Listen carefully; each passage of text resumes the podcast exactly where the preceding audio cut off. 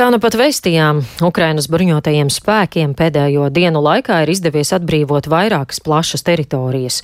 Kā atriebību par sakāvi kaujas laukā, Krievu spēki raidījuši triecienus infrastruktūrai, daudz viet pārtraucot elektroapgādi.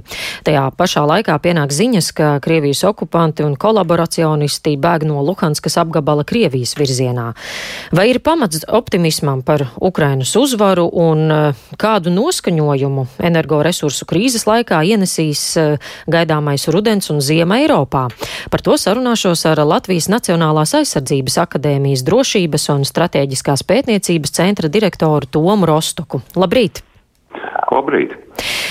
Vai var teikt, ka Ukrainas frontē ir noticis lūzuma punkts un Ukraina sāk uzvarēt karā, vai vēl ir pāragri tā teikt?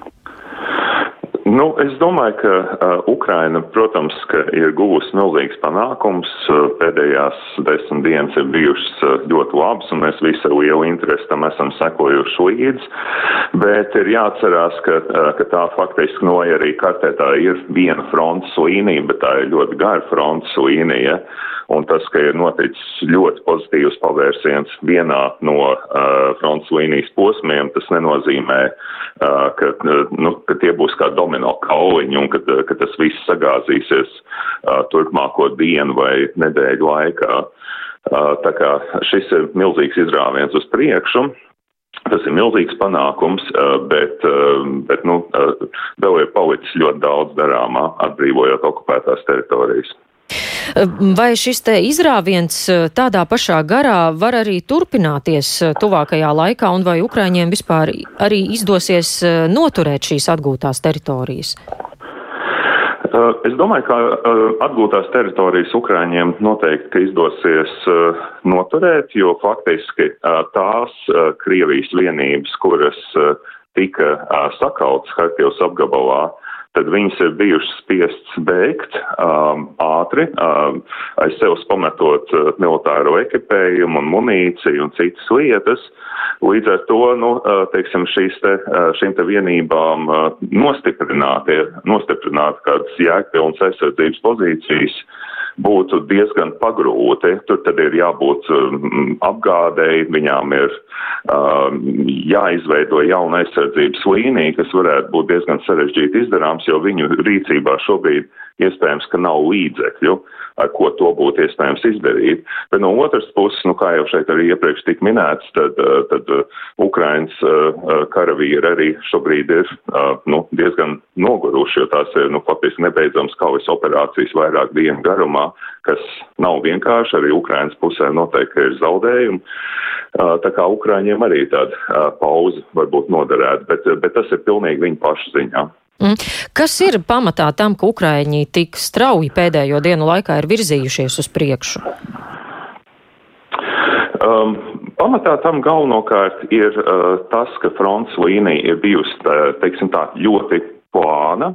Nu, tā ir ļoti gara, tie ir vairāk kā 1300 km bijuši, un uh, Ukraiņi ir atraduši frontes vājo posmu, Uh, ir jāņem vērā arī tas, ka, uh, ka Krievijas bruņoties spēki, uh, saprotot, uh, ka, uh, ka, nu, ka, ka viņu vienības uh, Hersons apgabalā ir, uh, ir apdraudētas, tad bija pārmetušas uz turien vēl papildus spēkus, tad lielāku uzmanību pievēršot uh, tai fronts līnijas daļai, kas atrodas Ukrainas dienvidu daļā, un līdz ar to um, ziemeļos, ziemeļa austrumu apgabalā pie, pie Harkivas fronts līnija bija plānāka, tur bija vājāk apmācītas vienības, nu vienkārši mazāk, mazāk kaujas spējīgas vienības tur bija, un Ukraiņi to izmantoja.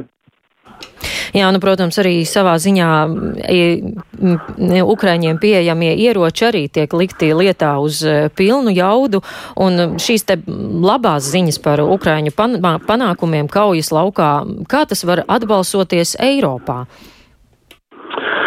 Nu, Eiropā tai ietekmei vajadzētu būt tādai, ka Ukraina ir vērts turpināt atbalstīt, jo, teiksim, ja šī te Ukraiņu pretofensīva būtu izrādījusies neveiksmīga, tad, tad rastos liels jautājums par to, vai Ukraina vispār ar militāriem līdzekļiem var okupētās teritorijas atgūt, un tad, teiksim, tie um, eksperti, uh, kuri um, konflikta risinājumu saredz tā kā, tādā pārunu ceļā, uh, tad viņiem būtu spēcīgāki argumenti, lai um, pārliecinātu rietumvalstu valdības, kuras tad savukārt mēģinātu pārliecināt Ukrainu par to, ka, uh, ka ir jāmēģina kaut kā vienoties ar Krieviju. Uh, šobrīd faktiski izskatās tā, ka no Ukrainas puses ir iespējams tāds militārais risinājums uh, okupēto teritoriju at, uh, atgūšanā un ka rietumvalstīm vienkārši jāturpina atbalstīt Ukrainu. Mm, bet eh, šobrīd tās iespējas kaut kādām miera sarunām, kaut kāda ieinteresētība no vienas vai otras puses, um, var tur kaut kas sanākt, vai šobrīd vēl nav tam laiks?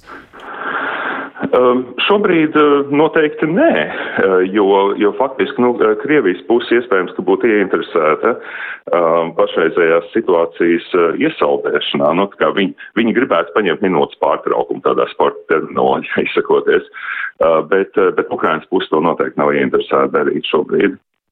Mm. Un kā ir Eiropā? Vai šobrīd, eh, tuvojoties arī ziemas sezonai ar eh, visiem sāpīgajiem energo jautājumiem un uh, lielajiem rēķiniem, vai nebūs tā, ka Eiropai varbūt gribēsies pievērt acis uz notiekošo Ukrainā un tā būs vairāk aizņemtā ar saviem energo jautājumiem? Nu, ja, mēs, ja mēs runājam par Eiropu, jā, tad, protams, nu, tā, tā situācija nākamajā gaidāmajā ziemā varētu būt diezgan smaga, bet ja mēs paskatāmies uz to, kas ir nozīmīgākie Ukrainas atbalstītāji, nu, tie tādā militārā ekipējuma un, un apmācības ziņā, nu, tad, tad tā tomēr, tās tomēr Amerikas Savienotās valsts un arī Lielbritānija. Bet, protams, arī Eiropas valsts ir snieguši ļoti lielu militāro palīdzību, bet, bet nu, tas ir valdību uzdevums uh, šajā brīdī. Um, vienkārši nu, uh, konsekvenci turpināt uh, īstenot to, kas, kas līdz šim jau ir ticis darīts, vienlaikus veicinot, veicot atbalsta pasākums iedzīvotājiem, kas jau arī tiek darīts gan Latvijā, gan arī citās valstīs, lai mēs šo te ziemu varētu arī pārciest. Bet šeit ir vēl viena lieta faktiski, jo mēs tā kā runājam par gaidāmo ziemu un, un cik grūts tas varētu būt, bet ir jārēķinās, nu, ka līdz, līdz tam, kad uznāks sals, ir uh, vairāk mēneši. Nu, es šeit nerunāju par, sal, par salnām, kas panākt uh, uznāk. Par īstu un, ziemu. Un, Jā, jā, jā, es šeit runāju par īstu ziemu, un, uh, un faktiski līdz brīdim, kad uh, uznāks īsta ziema, situācija kaujas valkā varētu vēl krietni, krietni pavirzīties uz priekšu. Arī Krievijas ietveros, un tā situācija ir tāda diezgan neprognozējama šobrīd, jo, nu, visticamāk, tur arī notiks vainīgo meklēšana. Tā kā, nu, turpmākās nedēļas un mēnešus varētu būt ļoti, ļoti interesanti. Mm. Bet cik rietumvalstis, nu, šeit es domāju, Eiropu būs uh, spējīgas un arī gana izlēmīgas turpināt uh, atbalstīt Uk Ukrainu, ja vienlaikus arī eiropieši varbūt ziemā diezgan neapmierināti ar situāciju, kas ir ar rēķiniem, ar cenām, varbūt būs kādi iekšējie nemieri? Jā, nu, pr protams, ka cilvēki jau būs, uh, nu, neapmierināti, nu, būs, būs grūti, bet, nu, šeit tomēr ir politiskajiem, uh, politisko lēmumu pieņēmējiem jācenšas arī pārliecināt iedzīvotāju un ir jānokomunicē tas, ka, uh, ka ja Ukraina netiks atbalstīta, tad ilgākā laika posmā mums, mums visiem būs grūtāk arī, arī šeit, nu, tā kā Eiropas, nu, ziemeļu un, un rietumu daļā. Tā kā mums ir, ir jāsniedz atbalsts Ukrainai, lai pēc tam pašiem mums būtu vieglāk dzīve.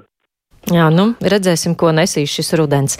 Par, paldies par sarunu, saka šorīt Latvijas Nacionālās aizsardzības akadēmijas drošības un strateģiskās pētniecības centra direktoram Tomam Rostokam.